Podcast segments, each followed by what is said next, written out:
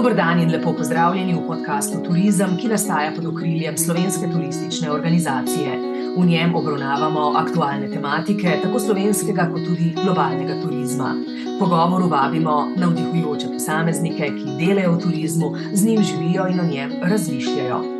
Spoštovane in cenjeni, dobrodošli v sedmem podkastu Turizem. V tokratni epizodi bomo bolj podrobno spregovorili o vlogi občin pri prilagoditvi in učinkovitem ukrevanju slovenskega turizma po COVID-krizi. Čaka nas namreč močna mednarodna konkurenca, zato je v izvajanju nove turistične strategije na lokalni ravni še posebej pomembno usklajeno delovanje v vseh štirih destinacijah in tesno sodelovanje s 35 vodilnimi destinacijami, ki združujejo ključne partnerje slovenskega turizma, vse od lokalnih skupnosti skupnosti pa do občin. Novi izzivi, ki jih prinaša post-COVID realnost, od vseh deležnikov v turizmu zahtevajo nova znanja in kompetence, razumevanje drugačnih navad potrošnikov ter jasno opredeljene prioritete. Kje in na kakšen način se naj torej dopolnjujejo vloge turističnih destinacij na eni in občin na drugi strani? Več o tem z našima današnjima gostoma, z nami sta redna profesorica dr.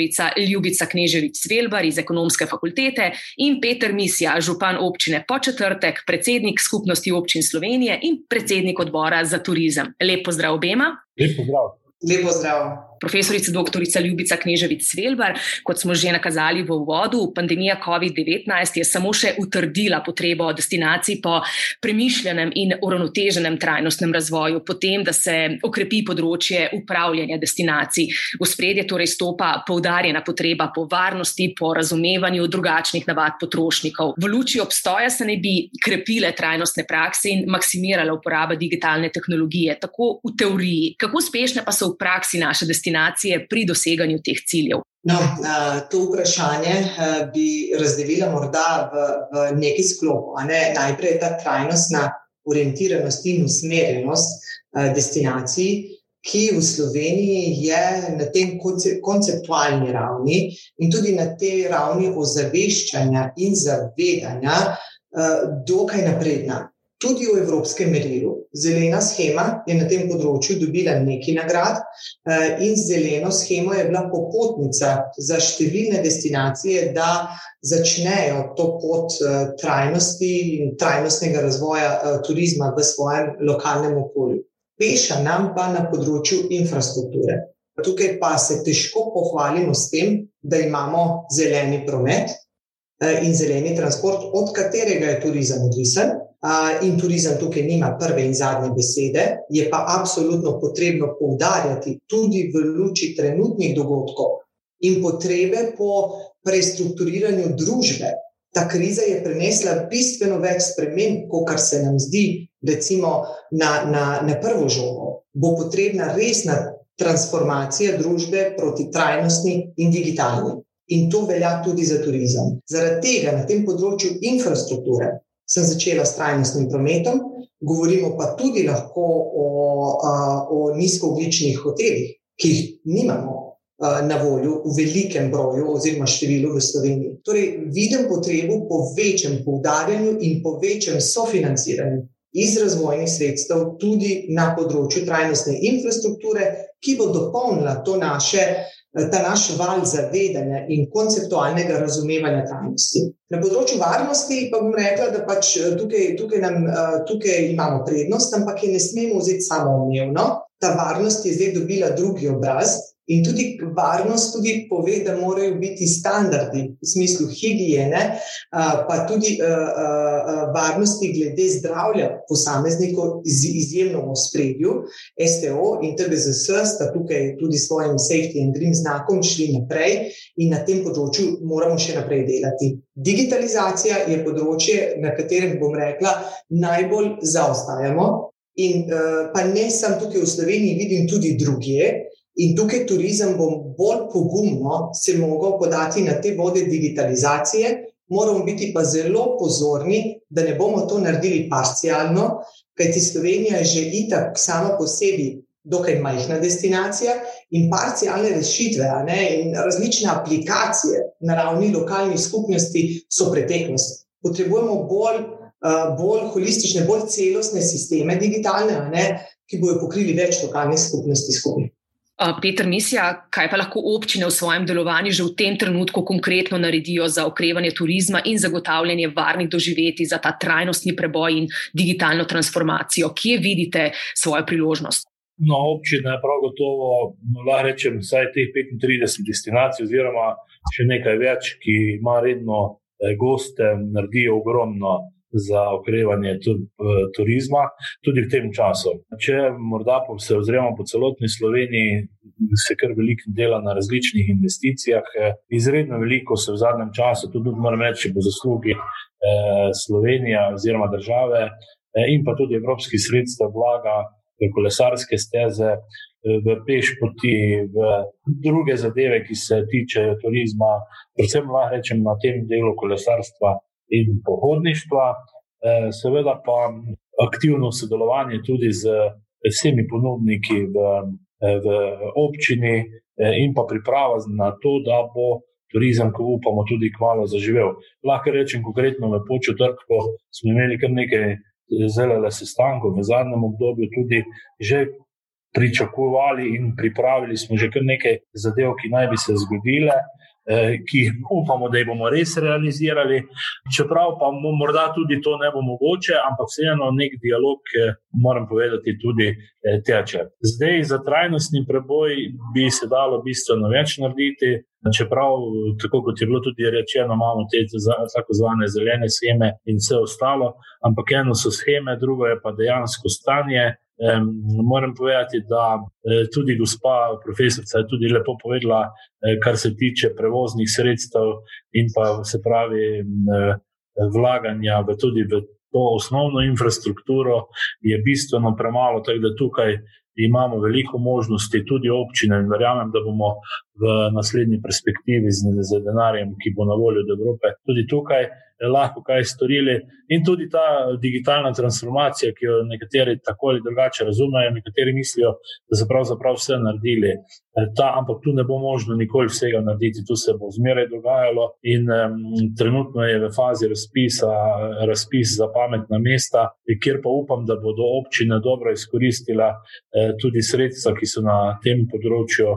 Eh, na voljo. Seveda, tukaj pri tako trajnostnem preboju, kot digitalni transformaciji, brez povezovanja ni nič, in tu je povezovanje od zgoraj na vzdolj ali pa od spodaj na vzgor, od preprostega človeka, pa občine naprej na državo, na Evropo. In če teh povezovanj ni, je zelo težko to vse speljati. Zdaj lahko rečem konkretno v početrtku, smo zelo zadovoljni, da da nam celotna destinacija izredno veliko vlaga v to, da bi lahko pripeljala tako, ali pa takoj sprejela goste, seveda pa to sicer ni možno, to se pravi, da tudi pričakujemo. Od države ali pa od koga drugega, da bo pravočasno povedal, kdaj bi pa možno bilo začeti normalno z turizmom, ker se veste, turizem se ne zgodi kar tako in eh, turizem je treba, za turizem se je tudi eh, treba pripraviti.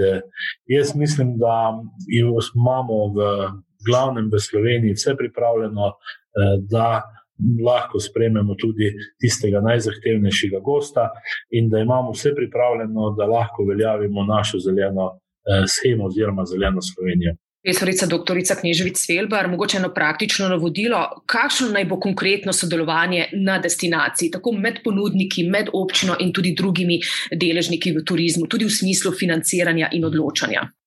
Lete, to, to sodelovanje eh, na ravni destinacije je tudi po moji oceni nekoliko narobe razumljeno. Vedno pričakujemo, da bodo sodelovali vsi z vsemi to nima smisla in se tudi v praksi ne bo zgodilo. Sodelujemo tam, kjer obstajajo jasni interesi za sodelovanje. In tudi uh, vodje eh, DNO-jo, uh, eh, jaz verjamem, da to danes dobro razumejo, da dosež ta raven, to raven, ki bodo vsi z vsemi sodelovali, je enostavno niti ni potrebno. Potrebno je pa zelo jasno razumeti, kateri deležniki v tej verigi morajo sodelovati skupaj, da destinacija orkestrirano napreduje in da konkurira drugimi. In tukaj, eh, tukaj je smotreno sodelovanje deležnikov, ki so na istem turističnem toku. oziroma uh, delujejo v cilju zadovolj, zadovoljevanja povpraševanja določenega segmenta turistov. Ne. Na tak lep primer je skupnost Julijskih Alp v tem primeru. Ne?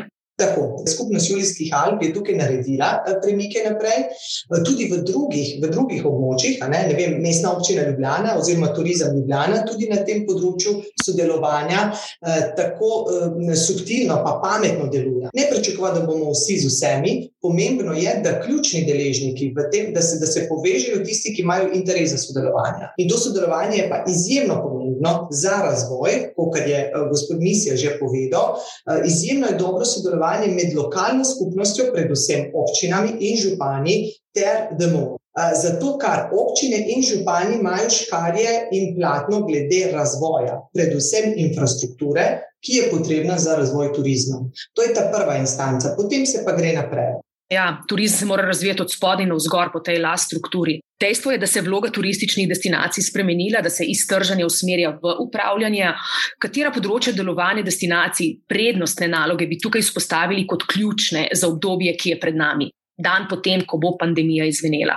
Dan potem, ko bo pandemija izvenela, ne, eh, je zelo pomembno, da mi že danes delamo za dan potem. Ne, ker če bomo začeli dan potem, ne, bo pa dokaj prepozno. Eh, ključno je, eh, jaz verjamem, da ta vloga trženja bo ostala še zmeraj precej močna, se bo pa mogla krepiti vloga menedžmenta, ne upravljanja, ampak menedžmenta.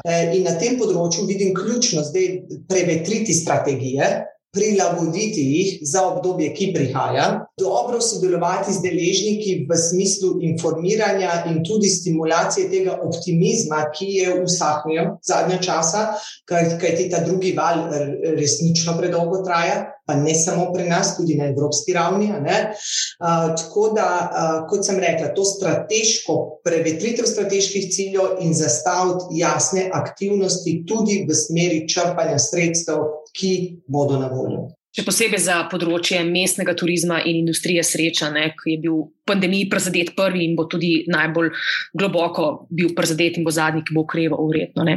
Ja, to je zdaj že jasno.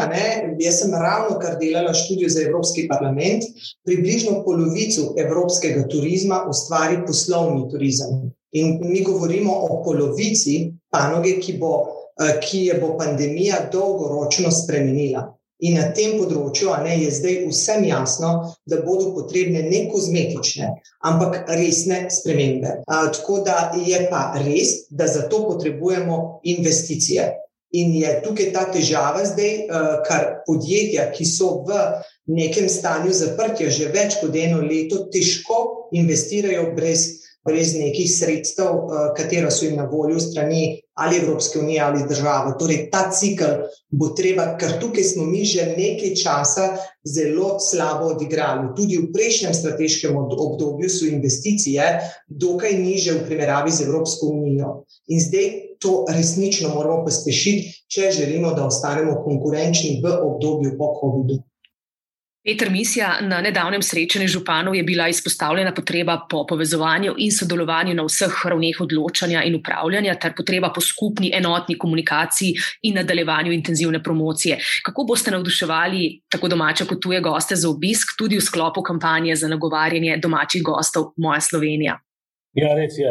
No, sicer tudi sam povdarjam, da je treba se zelo dobro povezati na vseh nivojih. In uh, zdaj, če nisi povezan, zelo težko si greš tudi promocijo. Pač Slovenija je zelo majhna država.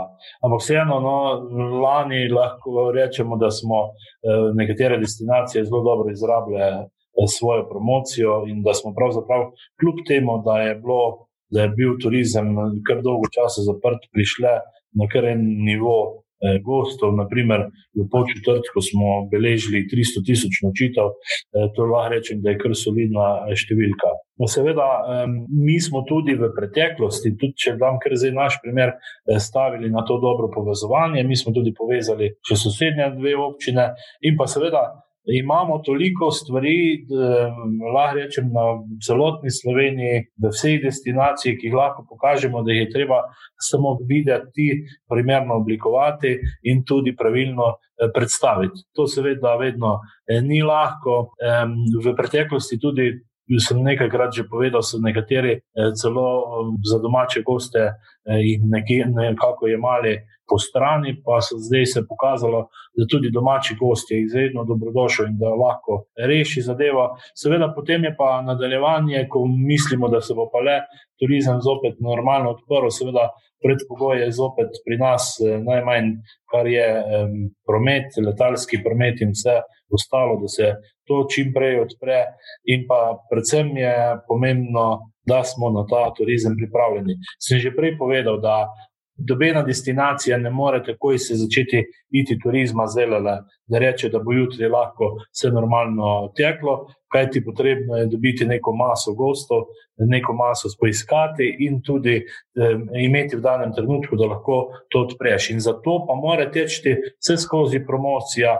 Bookingi, prijave se vse skozi dogajajo, eh, koliko sledim in pripravljajo. Tako da na tem področju moram povedati, da tak in tak tisti, ki se zavedajo turizma, tudi veliko delajo. Bi se mogoče ozoril še na to, kar ste prej videli, govorili, ne, da res dejansko so mesta in pa me, turizem v mestih eh, in pa konferenčni turizem utrpel res veliko škodo in veliki padec. In tu pravzaprav ga je zelo težko nadomestiti. Tudi v lanskem letu na tem eh, raznih srečanjih, ki jih imamo, ta komisija, ki smo za turizem in vse ostalo, zelo poudarjajo, da pač je ne mogoče v mesto zdaj takoj pripeljati gosta, tako da je tam prav posebna zadeva. Potreba še pa bistveno več narediti, ko morda mi na podeželju, ko pa imamo že neke danosti, kamor eh, gost gre.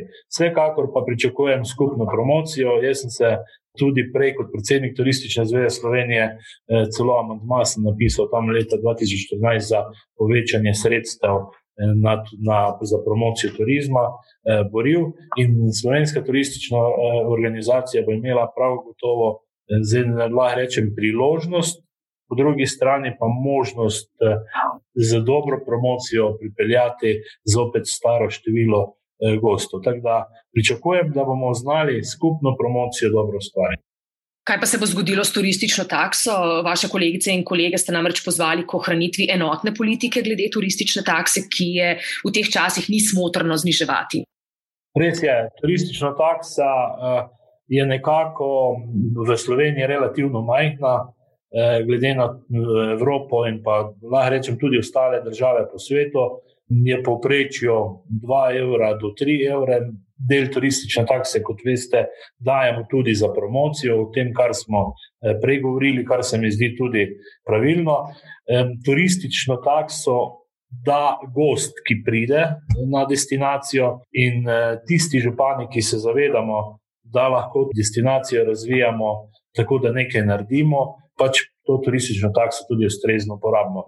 In jaz menim, da turistična taksa mora ostati na tem nivoju, najmanj na tem nivoju, eh, če še ne bo kakšna drugačna v bodočnosti. In eh, tudi vsi vemo, tisti, ki je šel kam po svetu, ni nikoli gledal, kakšna je turistična taksa, ampak kako bo preživel. Eh, ali dopust, ali pa potovanje, eh, kamor gre. Tako da še enkrat sem svetoval županom, da ohranimo razumno glavo, da ne znižujemo turistične takse, ker turistična taksa da gost za razvoj turizma v nekem kraju. Ja, skozi turistično takso bo potrebno še bolj poudariti, kakšen benefit ima lokalna skupnost od tega. Profesorica dr. Kneževic Velbar, kje vidite največje potrebe po spremembah pri vlogi delovanja destinacij? Kaj je naloga občin, turističnih organizacij, kakšne spremembe so potrebne v organiziranosti turizma? Kje mogoče tu vidite uh, najve, največje izzive in najšipkejši člen? No, to je zdaj vprašanje za milijon dolarjev. Uh, verjetno se bo tudi s tem vprašanjem v veliki meri ukvarjala nova strategija razvoja turizma, uh, ki bo do leta 2028, če se prav spomnim. Kaj pa, kje pa vidim v tem momentu, ne, če, sem, če želim biti kratka, najšipkejši člen vidim pri razvoju pri razvoju, ki se navezuje spet na ta investicijski cikl, ki ga je potrebno zagnati čim prej, na zasebni, kot tudi na javni strani. Ne. Res, kaj ti ta kriza je premešala karte, je prinesla spremembe, ki so izjemno velike, bo spremenila turizem v veliki meri in tega se moramo zavedati in na to pravilno odgovoriti. Uh, tako da uh, bi rekla, na področju razvoja potrebujemo resne ukrepitve. Petr Misija, uh, kakšna bo prihodnja vloga oziroma kakšne bodo nove naloge lokalne turistične organizacije? Ja, no, zdaj, z, z, pač bom še enkrat mogel uporabiti eh, besedo povezovanje. Te lokalne turistične organizacije, sploh teh manjših eh, destinacij, se bodo mogle zelo dobro povezovati. In um, to je osnova, drugače pa um, poleg promocije, eh, ki jo že tudi vršijo, bo še večji poudarek, prav gotovo na dogodkih in prireditvah v kraju. Mi imamo sicer tudi eh, iz prejšnje funkcije, izhajamo iz izredno veliko prireditev, videl, ki jih organizirajo naša turistična društva, pa vendar le tudi lokalne turistične organizacije imajo tu izredno veliko dela in tudi na tem področju bodo morali veliko narediti. Zdaj, danes smo pa kar veliko povedali tudi o tako zvani trans, digitalni transformaciji, kjer bojo morali bistveno preskočiti eh, nekatere zadeve in ravno z raznimi novimi prejemi pospešiti eh, promocijo, ki bo pač malo drugače vplivala na potek oziroma na eh, tok eh, gostov, ki bodo k nam prihajali. Zdaj, lahko vem, da tudi te lokalne turistične organizacije se v zadnjem času ukvarjajo tudi z prodajo nočitev, tudi s prodajo še kakšnih drugih zadev, da so zelo pomembne tudi za nas sistem, ampak mogoče bi tisto glavno zadevo rekel, da bo treba iti z digitalizacijo na tem področju bistveno, bistveno bolj naprej. Ja, hvala lepa obema za pogovor. To je bila sedma epizoda podcasta Turizem, ki je namenjen vsem, ki turizem delate, živite in ustvarjate. Vabimo vas k deljenju epizode in poslušanju podcasta tudi prihodnji teden. Srečno!